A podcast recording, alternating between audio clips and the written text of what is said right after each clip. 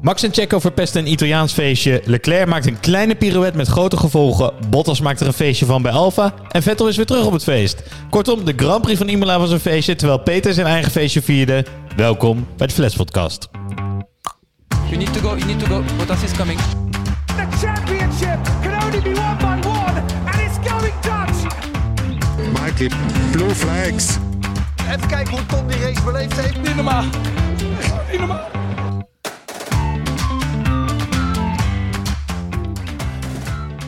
Ja, hallo allemaal en welkom bij de vijfde aflevering van deze Flats podcast in het tweede seizoen, waarin de meest amateuristische experts van Nederland je bijpraten over de zin en vooral de onzin van de afgelopen Grand Prix, de Grand Prix van Imola. Of, zoals de F1 het noemde, de Formule 1 Rolex Gran Premio del Mare in Italië dell'Emilia Romagna 2022. Dat laatste weet ik niet zo goed hoe je dat in het Italiaans zegt. Hey, ik ben Bram, ik ben jullie host. Ik zit hier met mijn vaste medepresentator Pien en met Bernard. Bernard, heel mooi dat je weer aan eh, schuift. Ja, zijn we weer. Hallo. Ehm, Peter die is vandaag niet. En dat is eigenlijk jouw schuld, zal ik te denken. Mede verantwoordelijk voor, ja zeker. Ja. Hij, heeft, hij heeft iets gevraagd en mijn zusje heeft daarop geantwoord. Ja, maar ik ben degene die dat voltrokken heeft, ja. Afgelopen zaterdag was jij ceremoniemeester op het huwelijk van Peter. Die zit nu op een welverdiende eh, ja, huwelijksreis. Nou, niet nader te noemen bestemming, want anders gaan al die fans hem achterna. Is ook niet leuk. Laat hem even Doodsbedreiging daarheen. doodsbedreiging. nee, namens het hele Vetspodcast team denk ik eh, felicitaties voor Peter. Absoluut. Mocht. Ik denk, denk dat de helft van de luisteraars ook aanwezig was zaterdag, dus hoi. Het was een heel groot huwelijk, heel groot. Hey, ehm, heb je genoten van de race?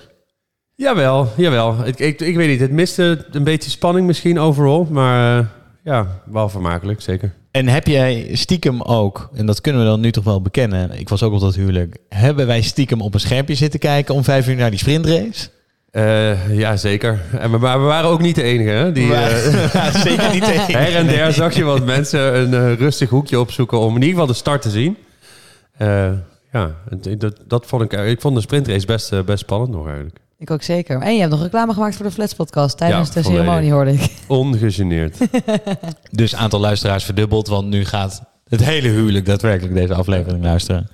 Hey, we gaan, eh, we gaan meteen die race induiken, want we hebben een hoop te bespreken. En zoals altijd beginnen we eventjes met de race algemeen. Want Imola, het was een lastig weekend voor de teams. Eh, ze hadden weinig tijd om de nieuwe upgrades die veel teams meenamen, om die te testen. En ze hadden ook voor het allereerst regen met deze nieuwe auto's. Eh, ik denk dat we toch wel naar een vermakelijke race hebben zitten kijken. Maar ik had er stiekem toch meer van verwacht. Met al die regen en controverse. En kwam misschien door Viaplay, weet ik niet. Hoe zitten jullie erin? Voor Imola was het primola. maar Imola Die had je in je achterzak zitten, of niet? nee, eigenlijk niet. Maar voor Imola was het op zich prima. Want die race kan je normaal nooit echt inhalen. Dus in dat opzicht was het wel leuker dan het was. Ik had op het einde echt nog gehoopt. Op een gegeven moment zeiden ze ook nog, nog twee eh, laatste rondes komt er nog regen. Toen dacht ik, oeh, dan krijg je een beetje zo'n Rusland van vorig jaar. Dat kwam helaas niet. Dus ik vond het, ik vond het prima. Niet de meest sensationele race, maar ja. Ja, wat je in ieder geval wel kon zien is dat de auto's elkaar goed kunnen volgen. En dat is eigenlijk alle vier de races dat dat echt wel duidelijk wordt. Dat wat ze hebben geprobeerd te verbeteren bij de Formule 1 echt wel werkt. Ehm, ja, daarnaast Imola, wat je zegt, het is moeilijk inhalen. En dat, eh, dat was dit jaar ook weer. Ja. Maar en eh, kunnen we het even hebben over dat sprintrace format, hè? Want daar heeft dus iedereen een mening over. En ik neem aan jullie ook. Ja, daarvoor doen we deze podcast. Om die meningen een beetje te kunnen ventileren. Ja. Daarom, dit was een open deur. Maar wat, precies, wat, maar- wat, vind dit jij, was een assist. Nou ja, Trap goed. hem af. Ja, ik bedoel, het heel veel punt, mensen go. vinden het een beetje gezeik, want eh, die vinden het allemaal een beetje too much. En die houden heel erg van die kwalificatie op vrijdag en dat vinden ze dan zonde, la la la la. Ik vind het gewoon vooral dat je denkt, ik ben echt te veel, ik, dit kost me te veel tijd.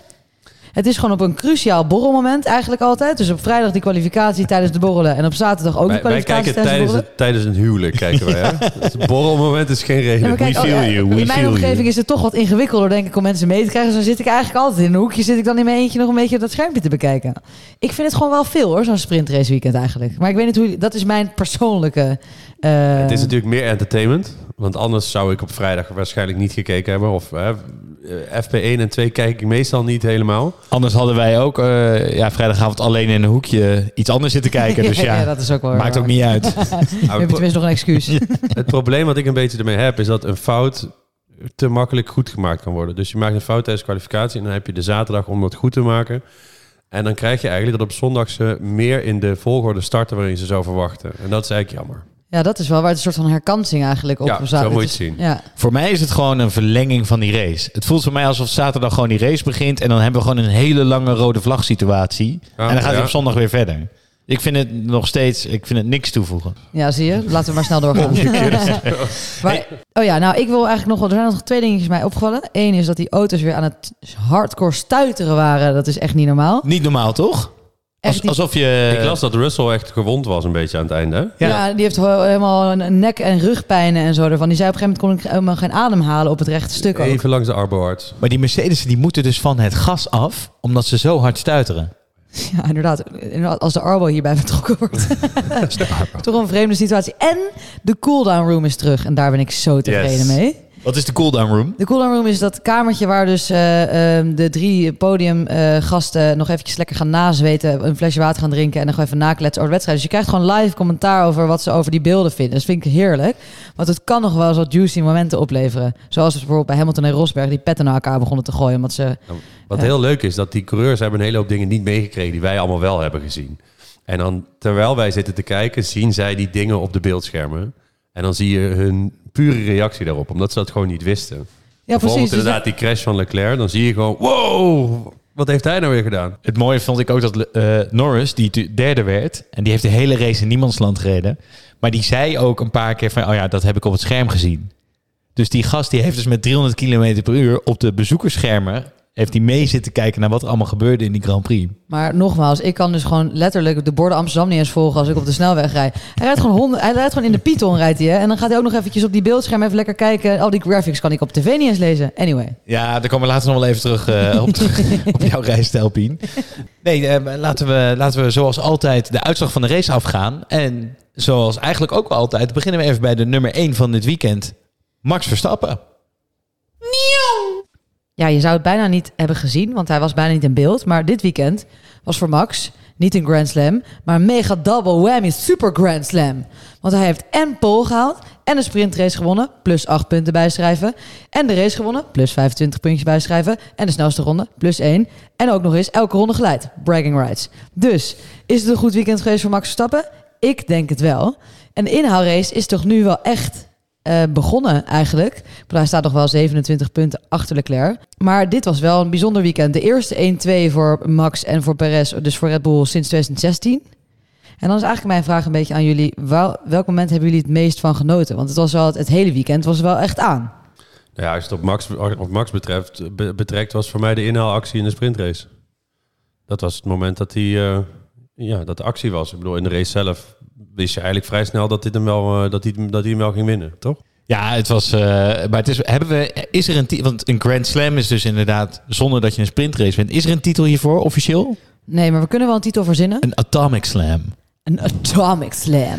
Nee, maar deze gasten hebben natuurlijk zo ongenadig hard teruggeslagen. Dat is, het is een, een comeback waar... Ja, het is dat er twee weken vertraging tussen die races zitten. Dus we zouden bijna vergeten met wat voor gevoel we wegliepen uit Melbourne. Maar hij was veel te langzaam. De betrouwbaarheid was er niet. Het was allemaal ellende. En hier pakken ze een 1-2 met dit machtsvertoon. Die upgrades die werken. Ja, ik, ik sla stijl achterover. Maar heeft Red Bull het gepakt of heeft Ferrari het laten liggen? Nou ja, ik vind het dus... eh, Tenminste, Red Bull heeft ook wel echt veel aan die auto gedaan. In die upgrades schijnen te werken. De auto is lichter geworden. Nou, en ze hebben gewoon wel geen... Het hele weekend was wel echt goed, hè, van Red Bull. Sainz Red Bull- was, Sainz was er niet met kwalificatie. Nee, maar Red Bull heeft het wel gepakt. Ook als ze er wel hadden gestaan, die Ferraris, hadden ze ze Maar dan vraag ik aan jou, Bram. Welke auto is sneller? Ferrari of Red Bull?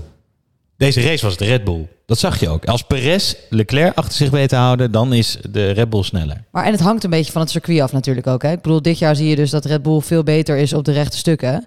En dat Ferrari dus meer in bochtige circuits dus eh, wat sterker is dan Red Bull. De Mercedes helemaal nergens. Eh, komt, dat komt nog. Nee, daar komt nog wel. Nou, en wat ik dus ook wel mooi vond, en daar heb ik een boordvra- eh, boordradiofragmentje voor meegenomen, is dat Max deze race eindelijk een beetje uit dat azijnzeikerige Lewis Hamilton hoekje is gekomen. En dat zie je in de reactie die hij eh, gaf als hij praatte over de crash van Charles Leclerc. the mistake, yeah, I mean, it's it's easily done. Of course, he was pushing hard to try and you know uh, fight Checo, but uh, it is painful. But uh, I think he knows that himself. You know, he doesn't need to hear that from anyone in, in here. Um, but it's still such a long uh, championship. You can still uh, gain a lot of points, but yeah, it's it's not great. But uh, you can't change it now. I mean, he doesn't do it on purpose. Ik vond hem nog best wel zacht tegenover Leclerc en eh, heel begripvol, toch? Ja, oké, maar Leclerc is ook uit... Ik bedoel, je hoeft ook niet meer na te steken, toch? Het was niet meer nodig. Hij, had hem al, hij heeft hem al drie knock-outs uitgedeeld en in de hoek geramd. Ja, Ja, door te dat is rijden. Toen ik dit hoorde, vond ik het wel... Ik dacht, nou, dit vind ik nou wel weer een andere Max dan die we gezien hebben in de afgelopen race. Maar als je het zo zegt... Ja, hij was wel inderdaad minder aan het klagen. Maar dat is dan ook wel weer Ja, jammer. waren- Max en Lewis eh, begin vorig seizoen waren ook lief voor elkaar. Hè? Wanneer was dat? Oh ja, dat was in, natuurlijk op Silverstone was het omslagpunt. Ah, daar word ik nog steeds boos van als ik aan maar waanzinnig. Ik denk dus dat die updates heel erg geholpen hebben. Ik denk niet dat het per se het circuit was. Ze hebben een paar kilo gevonden aan een auto. Ja, dat is dus mega in de Formule 1. Dat scheelt echt tienden van seconden per rondje. Eh, en ik denk dat ze nu op dit moment de overhand hebben. En laten we kijken waar Ferrari mee komt. In Barcelona hebben zij de grote upgrade aangekondigd. En ook niet vergeten dat Sergio Perez verdient ook wel echt een kleine kudo's als eh, waanzinnige ondersteunende rol die hij weer heeft gespeeld. Voor Max deze race. Ja, zonder meer. Zeker. En eh, er zijn ook, er dat waren ook miste Ferrari periodes in de race dat hij eigenlijk sneller was dan Max nog. Eh, ze zitten dichter met elkaar dan ik had verwacht. Zeker. Ja, dus goed nieuws voor de Nederlands fan. En eh, nou, nog steeds wel een groot gat natuurlijk, maar let's see.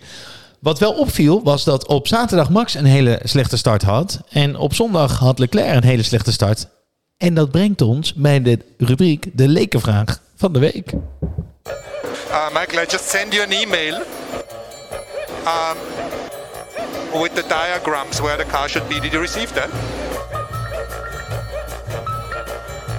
Uh, yeah, then you should maybe look at this because there is something with the rules coming up.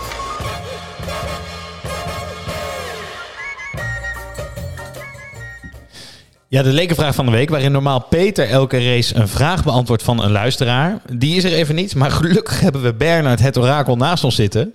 En de vraag van deze week komt van Simon. En die luidt dus ja, over die slechte starts. Ligt het nou aan de coureur of ligt het nou aan de auto? Nou ja, wat, wat maakt een goede start? Ik denk dat dat belangrijk is om als eerst naar te kijken. Ehm, een goede start, reactietijd is natuurlijk belangrijk. Hè? Als je te laat gas geeft, als het, eh, de lichten uitgaan, dan, eh, dan heeft dat impact. Maar wat eigenlijk nog belangrijker is op een technisch gebied, is hoeveel tractie de auto heeft. Dus hoeveel vermogen gaat er naar de achterbanden en is dat over de grens heen wa- wanneer ze gaan spinnen of zit je daar net onder? Dat is eigenlijk waar je wil zijn. Bij het starten hebben ze een koppeling ingeknepen op het stuur zelf. Ik weet niet of jullie dat wisten, maar die gebruiken ze alleen bij het starten. En die laten ze dan ge- geleidelijk los, zoals bij een motor. Ehm, en daarnaast is het ook belangrijk of je aan de binnenkant of aan de buitenkant start. Dus waaraf de volgende bocht naar rechts is, dan wil je eigenlijk liever aan de rechterkant zitten. Bocht naar links wil jij eigenlijk aan de linkerkant zitten.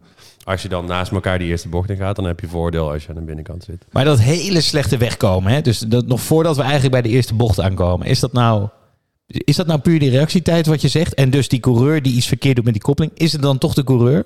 Nou ja, grotendeels wel, denk ik. Ik bedoel, als het, anders zou je ook zien dat allebei die auto's het niet goed doen. Anders zou je Perez ook moeite zien hebben. Het is gewoon te veel, te veel gas geven. Het is een heel dun lijntje. Hè? Dat de perfecte start, iets te veel gas, iets te lang de koppeling in, iets te snel de koppeling los. Beetje te veel toeren bij het wegrijden. Dat, dat zijn de dingen die echt meespelen dan. En dan krijg je dus ook die wheelspin als ze dus te veel gas geven in één keer. Ja, juist. En weten we dan waarom Max, want die zei, Max had het eigenlijk over de auto, hè? die zei eh, op zaterdag lovely gear sync mate, een beetje sarcastisch naar zijn engineer. Wat is, weet jij wat dat dan is? Moeten we daar eventjes weer huiswerk voor doen? Nou ja, over de- de synchro's, wat, wat dat doet, is eigenlijk dat het zorgt ervoor... Een, een, in een versnellingsbak heb je een hele hoop tandwielen. En die tandwielen moeten... Die, je wisselt eigenlijk van tandwiel eh, combinatie. En die moeten geleidelijk in elkaar overlopen. Anders dan... Ik weet niet, dat heb je misschien met de lesauto's wel eens gehad. Dat je hem net verkeerd erin legt en dat je dan zo hoort. Nou ja, dat, dat is wat hij bedoelt. Dat heb ik wel eens gehad, ja. Ja. Maar eh, als Max Verstappen dat ook wel eens heeft, Pien, hoef je eigenlijk nergens voor te Dan heb schamen. je echt de perfecte defense, heb je dan.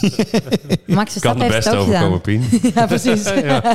Oké, nou dank voor de inzichten Bernard. En eh, we gaan meteen eventjes verder met jou, want we zien op nummer 4 op de uitslagenlijst zien wij, ehm heet het ook alweer? Ja, moet je Hoe heet het nagaan. weer? George Russell. George Russell. Yes. Zo anoniem rijdt hij in de ronde. Dan komen we er toch in de Mercedes.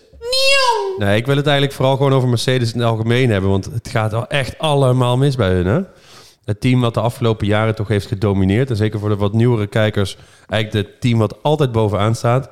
Eh, ik denk dat je wel nu echt kan aanwijzen als de grote verliezers van deze eh, rule change. Ehm, even terug naar de testdagen. Daar onthulden ze een auto die eigenlijk geen sidepods had. Eh, heel radicaal design. En eh, zeker ik op dat moment dacht... oh jee, ze hebben echt iets gevonden... waardoor ze jarenlang weer vooraan gaan rijden. Maar ja, het, het, het, loopt voor geen meter daar. Ehm, ja, we zijn nu vier races verder. Ze weten echt niet wat ze moeten doen. Eh, Hamilton wordt op een rondje gereden. Toto is de complete weg kwijt. Ik, ik, het wordt een heel lang seizoen voor hun. Maar en Russell, die vindt dus toch wel nog ergens een P4'tje uit te slepen. Ja, Ja, is het allemaal echt zo slecht? Want Russell is dus de enige coureur in het hele veld die consequent top 5 is gefinished dit seizoen. ja goed. Maar als Verstappen geen, geen eh, mechanical DNS had gehad, was hij altijd eerste of tweede geweest. Dus eh, Russell doet het goed, maar die auto is echt niet goed. Maar Hamilton is wel een stuk slechter dan Russell. Ja, nou ja, waarom zou dat zijn?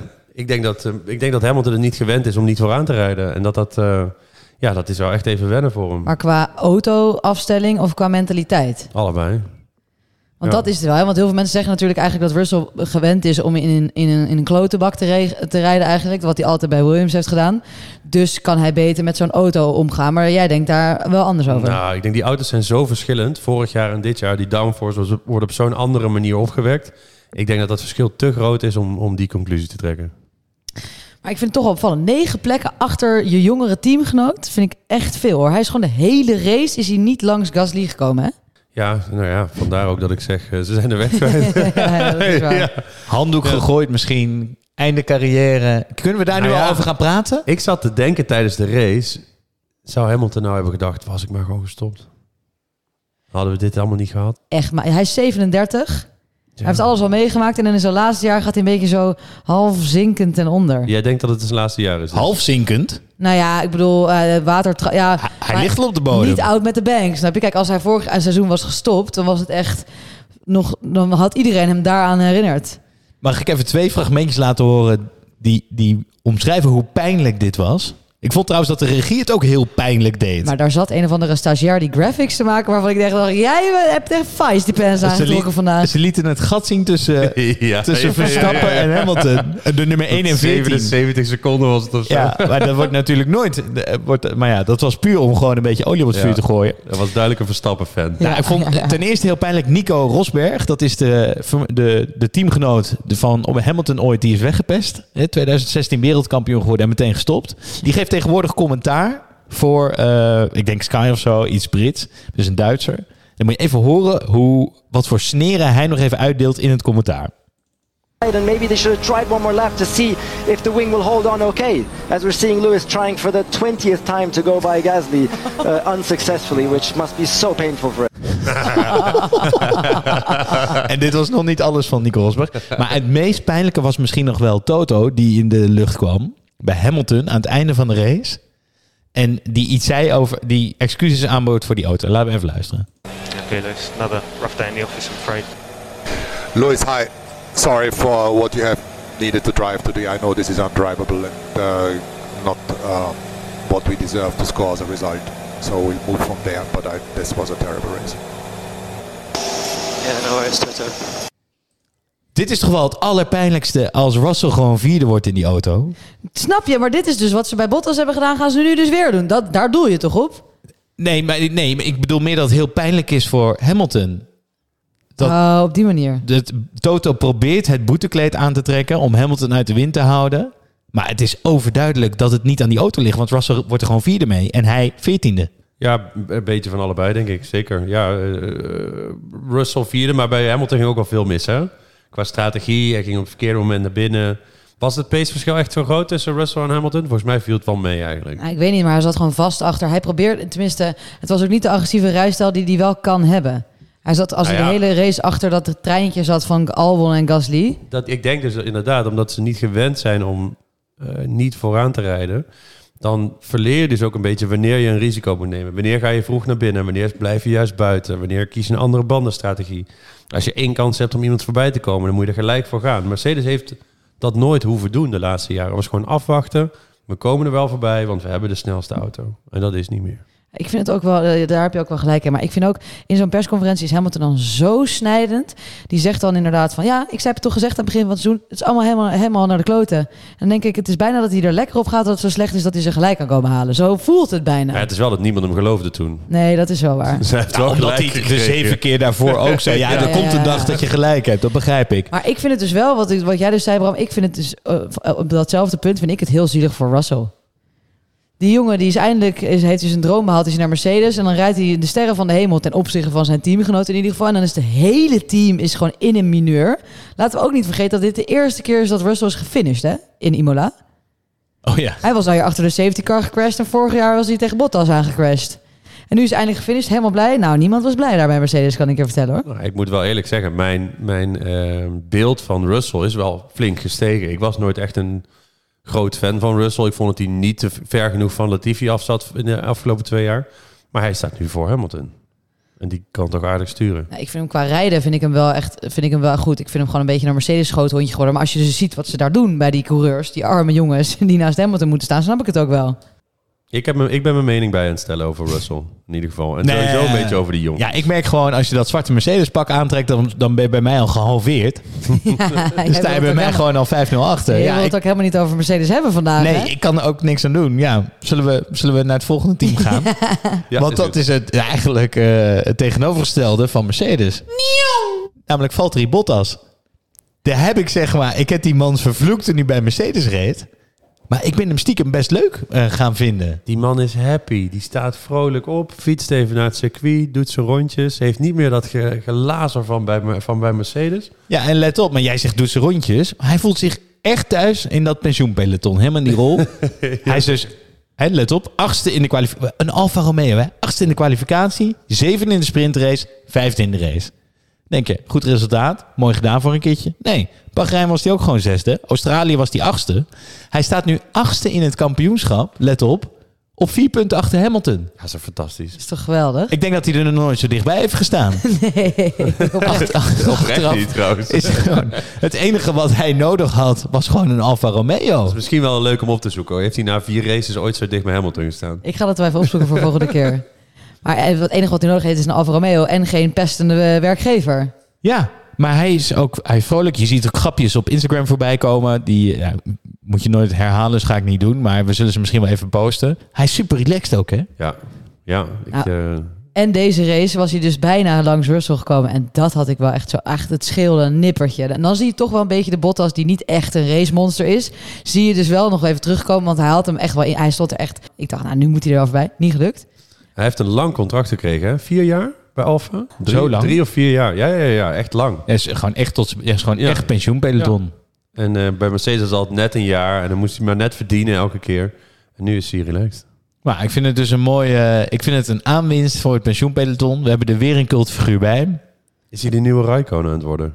Nee, want hij is echt no- bij lange na niet vet genoeg. Als, eh, nee, nee, echt niet. Oké, vind ik eigenlijk ook Dat niet. Maar hij, is gewoon, hij heeft gewoon eigenlijk zijn rust gevonden in het pensioenpeloton. Dat is het gewoon een beetje. Ja, vind je het leuk. En we houden hem in de gaten.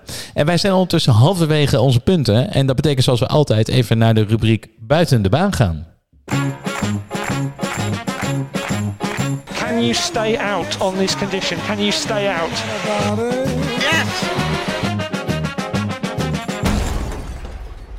Ja, de rubriek buiten. Ik moet altijd nog Dat is, steeds... een, dat is een nieuwe jingle, of niet? Ja, ik ken het. Hoor je die nu pas? Hey, sorry, het is uh, Nou ja, oh, dan val je wel door de Bernhard. Nee, nee, nee. Ik heb ze allemaal wel geluisterd, maar zo met de koptelefoon op is het toch anders. Nou, maar, maar goed, de rubriek buiten de baan waarin Pien eh één of meerdere puntjes eh, meeneemt van de Formule 1 die zich buiten de baan hebben plaatsgevonden. Dus Pien, wat heb je deze week voor ons? Ja, ik heb er best wel veel, maar ik probeer het zo kort mogelijk te houden. Eh, punt 1, Sainz heeft een nieuw contract getekend tot 2024. Dat is toch prettig. Meteen gecrashed, eh, dus hij heeft het niet echt helemaal lekker waar kunnen maken. Maar toch wel lekker voor zijn rust. Dat is iets, hè? Want Gaat vorig veel fout hè, bij hem. Ja, maar oh, Ocon. nee. Ja, Ocon vorig jaar ook een nieuw contract. Ging ook fout. Perez nieuw contract. Die, die knalde toen in de muur in de, na de grid toerijden. Het is iets als je tekent. Bottas nieuw contract gaat super.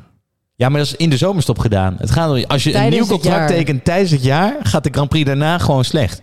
Ja, het is een beetje alsof gewoon even iets te veel spanning eraf is. Dan cruise je hem zo en dan wuts, gaat het toch weer even... Moet je op scherp worden gezet weer. Wat? Ja. Wat? Die muur in. Anyway, eh, over contracten gesproken. Hamilton eh, heeft een, eh, die wil een bod gaan doen om de voetbalclub Chelsea te kopen. Samen met Serena Williams. Zou dat zijn volgende stap zijn? Ja. Dat hij zichzelf in de spits zet. Een soort van... eh, ik denk dat hij zelf denkt dat hij het wel zou Een kunnen. soort Michael Jordan, die is gaan honkballen. Ja. Toch? Is dat zo? Ja. Die is toch een honkbal en Gozer. dan kunnen we snel door. We gaan verder. Eh, anyway, eh, Max die heeft nog een award gewonnen. De, de Laureus World Sportsman Award. De Oscars onder de sporters. Heeft nog nooit iemand van gehoord. Ik had, er, Maxim ik had er nog nooit van gehoord. heel Nederland in de Polonaise. Het is echt nog no- inderdaad nog nooit Nog van gehoord. En opeens is het het mooiste wat hij ooit heeft bereikt. Weet je wel? Dat je echt denkt, nou oké. Nou, dat waren ze weer. Top. We gaan weer verder met de uitslagenlijst. Want ja, gek genoeg, en niemand zag dit tien ronden voor het einde aankomen, zien we op plek 6 Charles Leclerc. Ja, jongens, wat- deze kon ik toch even niet voorbij laten gaan. Want ik was heel even bang dat ik hier een gebakken schoensel zou moeten eten. In plaats van jouw lekkere pasta, Bernard. Want in de allereerste aflevering van dit seizoen, tijdens de Grand Prix van Bahrein, heb ik het volgende statement gemaakt. Ik vreep mijn schoenen op als hij niet binnen nu en vier races een fout maakt. Ja? Ja, natuurlijk. Dit is het verhaal van Leclerc al seizoenenlang. Nou, dat is toch hè? Vier races kleine- geleden. kleine- kleine vier applaus. races geleden. Tien rondes voor het einde. Chokte Leclerc hem compleet en parkeert hij hem de muur voor mij. Eh, zijn kwalie liep al helemaal niet lekker. Hij had een extra rondje nodig in Q3 om een snelle tijd neer te zetten. En toen viel die rode vlag. Dus miste hij die pole. De, de sprintrace begon op zich nog wel goed door die slechte start van Max. Maar hij werd heel pijnlijk ingehaald. één ronde voor het einde. De echte race komt dan hij weer dramatisch weg. Waardoor hij in de achtervolging moet. Komt dan vervolgens niet voorbij Perez. Zijn team weet hem er nog wel voor te krijgen, heel even. Maar Perez is echt, eh, als de brandweer ging die er voorbij om hem weer in te halen. En in plaats van die punten te pakken in dat hele belangrijke wereldkampioenschap, poest hij te hard, eindigt in de muur. Hij ging vol over die curbs, hè? Ja, kan hij dus met heel veel geluk verder. Moet nog een nieuwe neus gaan halen en eindigt uiteindelijk zesde. En dan ben je dus die engineer van Leclerc. Die hele pitbox denkt natuurlijk, wat een domme lul. Hè? Die engineer die kan volgens mij ook ontploffen. En dan moet je even naar het gesprek luisteren achteraf. Want die engineer die, die hoor je bijna denken... oh ja, hoe doen ze dit ook alweer bij Mercedes? Oh ja, die zeggen zoiets. Let op. Dit heb ik nog niet Ik gehoord. Ik ben niet. echt benieuwd. Ah, sorry. You guys. We'll learn from this and stronger next time. Hoort je het? Dit is echt... We learn from this and stronger next time. Dit klinkt zo onnatuurlijk. Dat heeft hij toch gewoon helemaal van Mercedes gekopieerd? Kan je hem nog even één keer aanzetten, het einde? We'll learn from this and stronger next time. Het lijkt gewoon net alsof hij aan het huilen is. Hij zegt gewoon letterlijk, we learn from this and stronger next time. Wat sterker, je thee, je koffie. Nou ja, goed. Alsof je dit had gegoogeld. Soothing words for my driver. Ja, en dan kom je dus op, al- op al die Mercedes-jank-verhaaltjes. Ja, we come back. Nou goed. Hey, maar eh, jongens, een totaal ongeforceerde fout. Hè? Eh, en hij maakt het drama van Ferrari echt compleet. In Italië notabene. Omdat zij die kwalie ook al eraf ging. En in de race ook weer.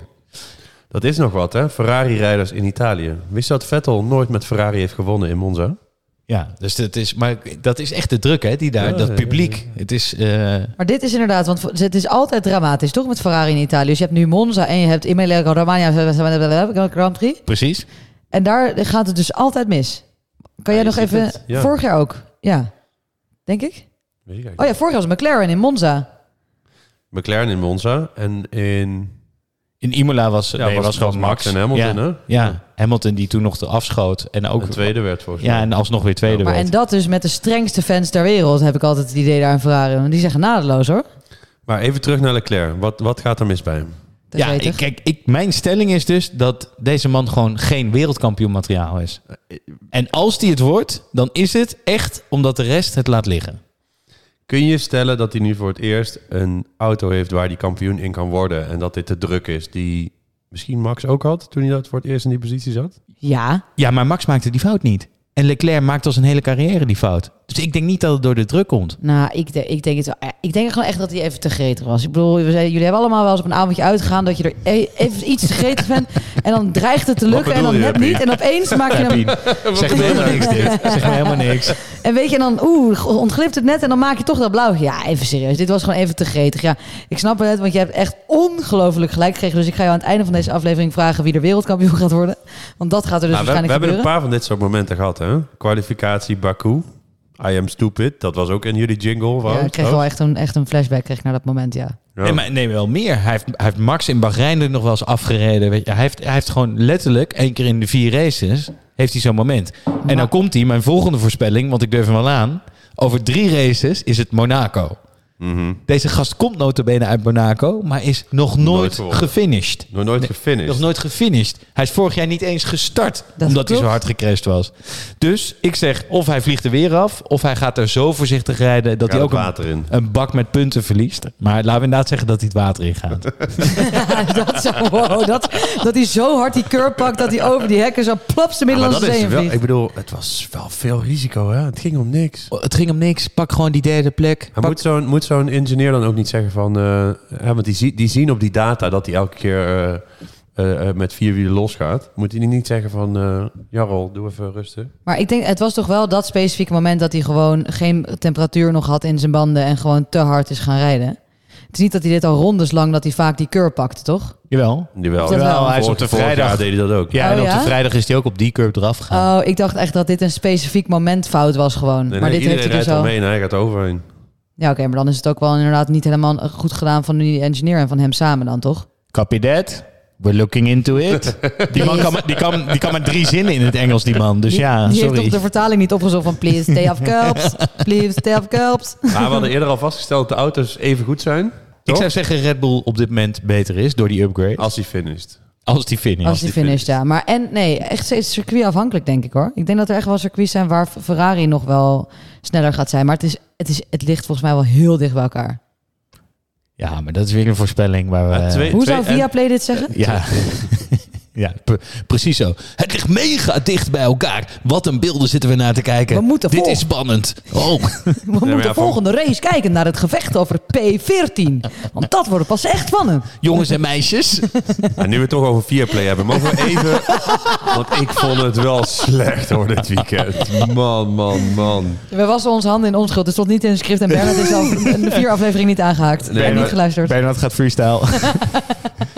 Ik bedoel, dit was de eerste keer dat ik er echt voor ben gaan zitten. Hè, want ik had op vakantie dan op je telefoon. Dan krijg je niet echt mee hoe slecht het is. Maar eh, als Tom de beste takes heeft, dan is het echt fout. dan, is het. echt mis. Ja, ze hadden ook... Ze verwarden Russell met Bottas. Ze Joe met Bottas. Maar ze, ze, ze brengen het alsof je zes bent, hè? Ja. Dat is het. Ik zei tegen Auto Bram. gaat vroom vroom. En, eh, Vroom, vroom. Hij rijdt er nu heel hard naartoe. Wat zien we nu? Het gevecht tussen Bottas en dit ding is, is hartstikke spannend. Vroom, vroom. Het is echt, ik zei tegen Bram, het lijkt alsof we naar Ernst Bobby en de rest aan het kijken zijn. Ja, of de nieuwe Bassinade aan. Melroy en hoe heet die andere gast? Ik weet niet eens. Pien en ik kijken elkaar aan. Maar goed. Hey, we, gaan weer, eh, we gaan terug naar de uitslagen. Want eh, op pa- P8 komen we dan een oude bekende tegen. Ook uit het pensioenpeloton. Vettel. Ja, en jullie zouden waarschijnlijk zeggen... waar Bram zijn voorspelling is uitgekomen... is mijne niet helemaal uitgekomen. Voor jouw informatie, B. Ik heb eh, vorige week gezegd dat eh, Vettel met pensioen moest. Eh, nou, ik ben nog steeds van dezelfde mening. Maar hij heeft toch wel goede zaken gedaan met Aston Martin. Want ze kwamen met nul punten het weekend in... en ze zijn toch met vijf punten naar huis gelopen. Eh, en Vettel... Ik ga, ik ga hem denk ik gewoon een nieuwe naam geven. Vedettel. Het is gewoon, het is gewoon wel echt de vedette en ook nog eens van het pensioenpeloton. Hij heeft dus een vroege stop gemaakt in de race. eh, en ze hadden wel mazzel dat het niet helemaal droog was. Want hij had zelf ook aangegeven, als het droog was geweest... dan hadden we echt niet genoeg snelheid om die auto's achter ons te houden. Goede start gemaakt, heel veel plekken gewonnen... en toch weten te behouden. Hij is op P8 geëindigd. Hij had nog, ehm, maar dit is zijn tweede race dit seizoen. En gewoon goede punten gescoord. Dus ik denk dat hij toch wel... Hè, Aston Martin heeft een stapje gemaakt hier en daar... Maar dat is niet mijn punt. Want mijn punt is eigenlijk dat hij nog steeds met pensioen moet. Want hij heeft in de boordgehouden die ik nu ga laten horen... is hij dus ook, behalve mascotte, de opmaat aan het maken naar mentor van Mick Schumacher. Moet je maar luisteren. Where did Mick finish? He's 17. Back now. 17. He had an issue in lap one, right? Oh, dat was hem. Sorry, ik hoorde echt, dat- echt heel slecht, hoorde ik het. Mijn punt... Wat, wat hij dus zegt is... eh, hij vraagt gewoon aan het einde van de race aan zijn engineer... Where did Mick finish? Ja, precies. Dus hij heeft hiervoor nog een stukje inderdaad van hoe ging mijn race. Maar hij vraagt ze meteen aan Mick. Ze hebben die zelf eh, samen persconferenties gedaan, hoe en wat. Hmm. Zij is volgens mij gewoon, wordt hij ingewerkt als nieuwe mentor van Kleine Schumacher. Maar ja, goed, toch wel goed gereden voor Aston Martin, die echt een blik eh, stront hebben dit jaar. Ja, die auto is wel echt slecht. joh. Ja. Maar, nou, maar het is ook wel... Het is denk ik niet toevallig dat dit de eerste race is dat Vettel er echt bij zit. Dus de eerste twee races... Hij heeft en de, de windtest veel gemist. Eh, en hij heeft de eerste twee races gemist door corona. Stapte dus vorige race eigenlijk voor het eerst echt in die auto. Nou, dat ging dus mis, veel gecrashed. Ja, dat snap ik ook wel, want je moet meteen op je limiet rijden terwijl je die auto helemaal niet kent.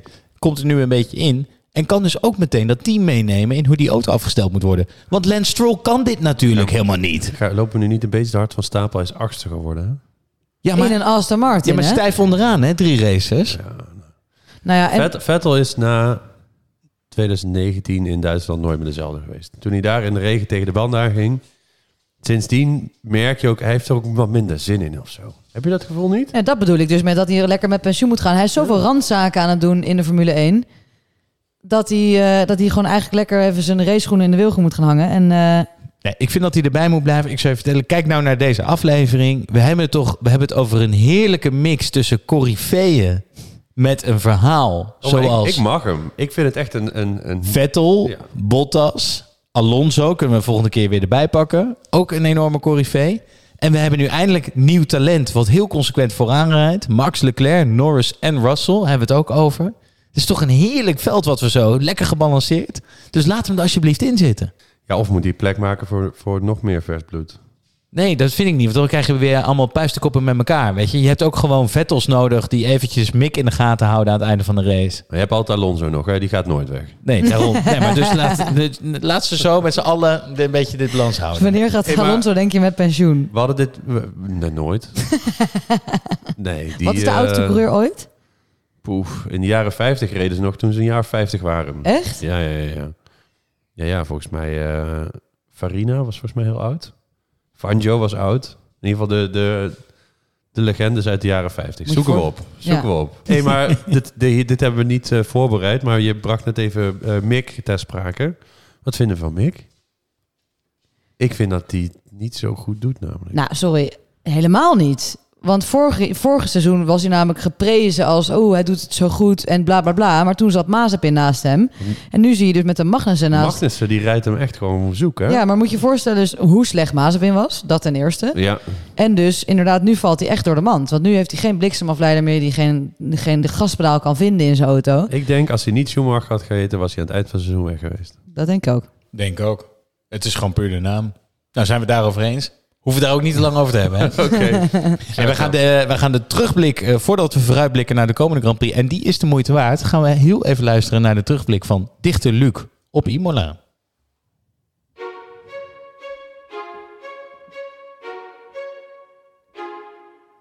Fernando made it pretty clear. He said you have to leave it the space. All the time you have to leave it the space.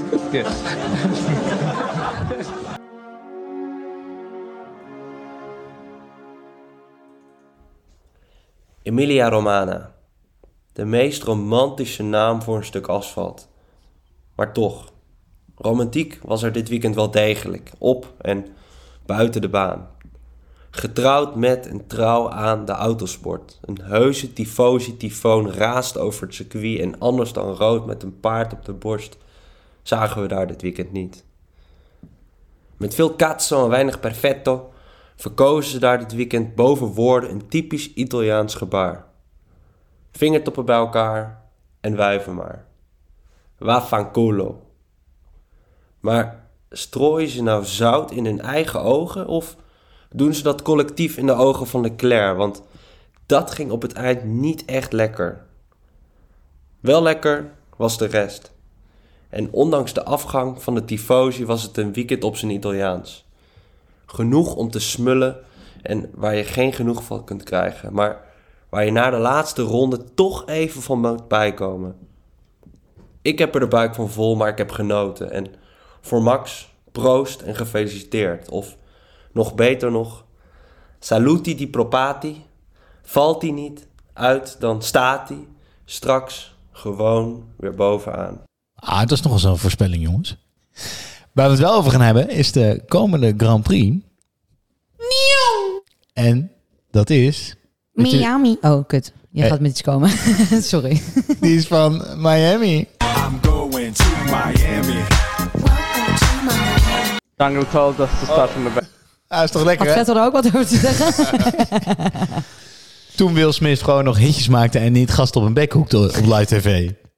Weet je die tijd nog? Komt Will Smith langs, denk je? Denk je Terwijl die, terwijl die vroeger nooit schold in zijn, eh in zijn rapliedjes, hè? Toen was hij nog heel, eh, heel netjes. En nu Echt? mishandelt die mensen. Fresh Prince of Bel-Air, ja, moet je nagaan. Hey, nee, even terug naar Miami, jongens. Kom, even eh, Formule 1. Goed, Miami. Wat gaat er gebeuren? Wat kun je daar... Wat voor wat, track is het? Wat kunnen we meegeven? Ja, dat moet jij me eigenlijk meegeven aan onze luisteraars. Peter!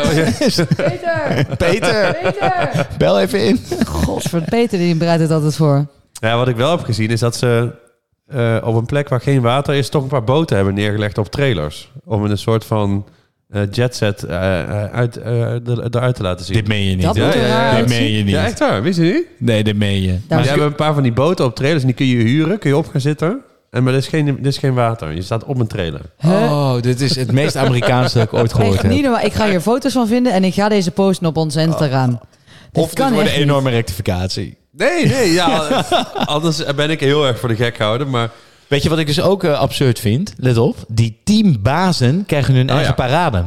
Nee. Ja, maar dat komt dus omdat het Netflix-effect. Dus dat Drive to Survive, die Amerikanen zijn er helemaal mee weggelopen. En eh, dat heeft dus, ja, die teambazen komen natuurlijk ook voor in die serie. En dat is een soort heldenstatus van een teambaas gemaakt. Krijgen zij, krijgt Gunther Steiner dan überhaupt zijn eigen evenement, of niet? Dat die hoop ik krijgt zijn wel. eigen trailer. Ja, die krijgt sowieso zijn eigen, met boter op. Ja, maar wel een stuk duct tape op zijn want die mag natuurlijk niks zeggen in Amerika. Nee, omdat het, oh, hij is één grote We piepshow, do bedoel je? apologize for the language. Maar eh, zeg maar, eh, kijk, ik bedoel, ik kan best een beetje vooruitblikken naar Miami, want we weten er vrij weinig over. Ja, we weten helemaal... Nee, en de coureurs ook niet. Het is compleet nieuw. Nee, Het is nu net... eh, het wordt nu afgebouwd. Dat zal nu waarschijnlijk klaar zijn. Maar... met trailers en, maar het, oh, dit wordt wel zo'n lekker Amerikaans spektakel. Ik heb daar wel, het is wel echt een aanrader om dus naar de momenten voor de race te kijken en naar de podiumceremonie. Ik ben dus benieuwd Nou, dat vind ik bij celebrity- Kota ook altijd heerlijk. Ja, dat. Hè, die gekke dingen met Shaquille O'Neal en zo'n gekke auto. Die, je weet het nog Ja, vorig jaar? Daarom. Super. Ik ben heel benieuwd welke celebs ze nou weer hebben weten te strikken om hier in Miami nog op een rare manier die prijs uit te gaan delen. Ik heb daar wel zin Wat, in wat hoor. dat betreft is Miami ook echt het toppunt van dit soort onzin. Hè? Echt toppunt van ploerterigheid is het daar hoor. Echt niet normaal. Ik ben, ben blij dat we onze luisteraars een inhoudelijke We hebben nog vooruitblik... niks over die baan gezegd. Oké, maar dus we weten niks over die baan. Nee, dus we- klopt. het enige wat we over kunnen speculeren is gewoon wat er buiten de baan gaat gebeuren. Nou, wat wel leuk was toen Jeddah voor het eerst op de kalender kwam, was ook zo'n nieuwe baan vorig seizoen. Ehm, toen heeft het die vrije training, ik denk een half uur geduurd, voordat iemand in de buurt van de tijden van Max kwam. Dus daar ben ik dan wel benieuwd naar die allereerste vrije training, dat niemand die baan kent. Of Max dan weer zo enorm veel beter is dan de rest. Maar omdat hij gewoon ballen had en wel gewoon ging rijden. Omdat hij wel kan rijden en de rest allemaal niet, zeg maar. Ja, Oh. ja. Ja, dus om, hij heeft dus talent. Hij is dus wereldkampioen, Pien. Ja. Ja, best, best Echt goed, waar? Ja. Ja. Ja, hij kan best leuk rondjes rijden. Eh, wat ook wel goed is om te weten, ehm, over borrelmomenten gesproken. De kwalificatie is om 10 uur s'avonds, zaterdag. Echt waar. Ja, en de race is om half tien s'avonds op zondag. Jeetje. Ja, geen studio voetbal dus.